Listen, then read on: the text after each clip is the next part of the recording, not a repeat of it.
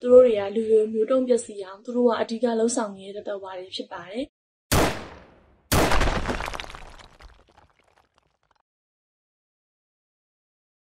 အောက်ဆီဂျင်နဲ့ပတ်သက်ပြီးတော့ကျွန်တော်တို့မှတ်ပါတယ်တဝူးချင်းလာဖြည့်ပေးတဲ့ဟာတွေကိုဖြည့်မပေးဘဲနဲ့ကျွန်တော်တို့ဒီအဓိကလိုအပ်နေတဲ့ဆေးရုံဆေးကန်းနေတာဖြည့်ပေးဆိုတော့ကန့်တတ်လိုက်မှုရှိပါတယ်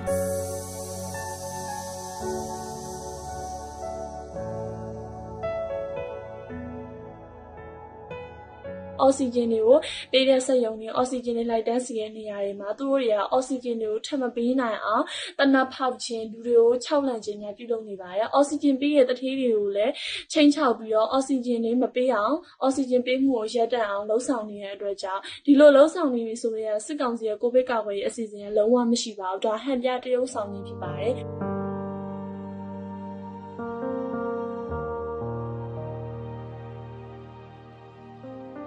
ကိုဗစ် -19 နဲ့ပတ်သက်ပြီးတော့ကုသရေးတွေကိုသူတို့ကင်တွယ်နေရတော့ကျွန်တော်တို့ဘက်ကလုံးဝကိုအယုံကြည်မှုမရှိပါဘူး။ဘာကြောင့်လဲဆိုလို့ရှိလို့ရှိရင်ကျွန်တော်တို့ဒီပထမပြည်သူ့အစိုးရလက်ထက်မှာကင်တွယ်ခဲ့တဲ့ပုံစံနဲ့သူတို့လက်ရှိကင်တွယ်နေတဲ့ပုံစံတွေက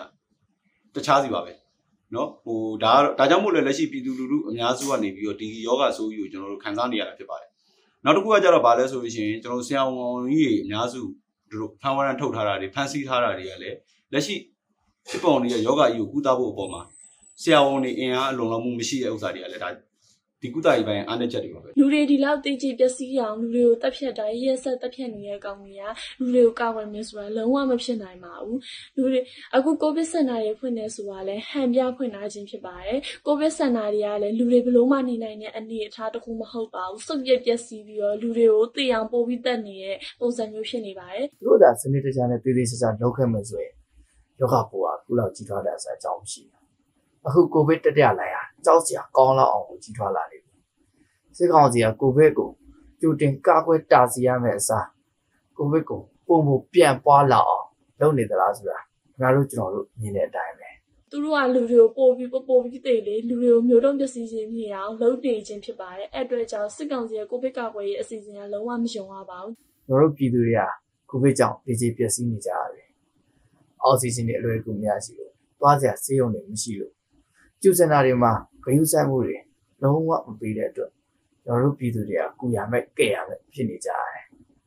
ဘယ်သူတည်းငတေမိုင်းပြီးရောဆိုတဲ့စိတ်နဲ့ပြည်သူတွေအားလုံးအတွက်ဆေးမဖြစ်ပဲသူတို့အတွက်ပဲဆေးဖြစ်နေပါတော့ကျွန်တော်တို့တိုင်းပြည်ဟာဒုက္ခပင်လေဝင်နေပါတယ်ဒါကြောင့်ကျွန်တော်တို့ပြည်သူတွေဟာသူတို့ရဲ့အစီအစဉ်တွေကိုလုံးဝမယုံကြည်ရတဲ့အတွက်အရင်ခါတက်ပို့ပြီးတော့ view site ပေးကြပါ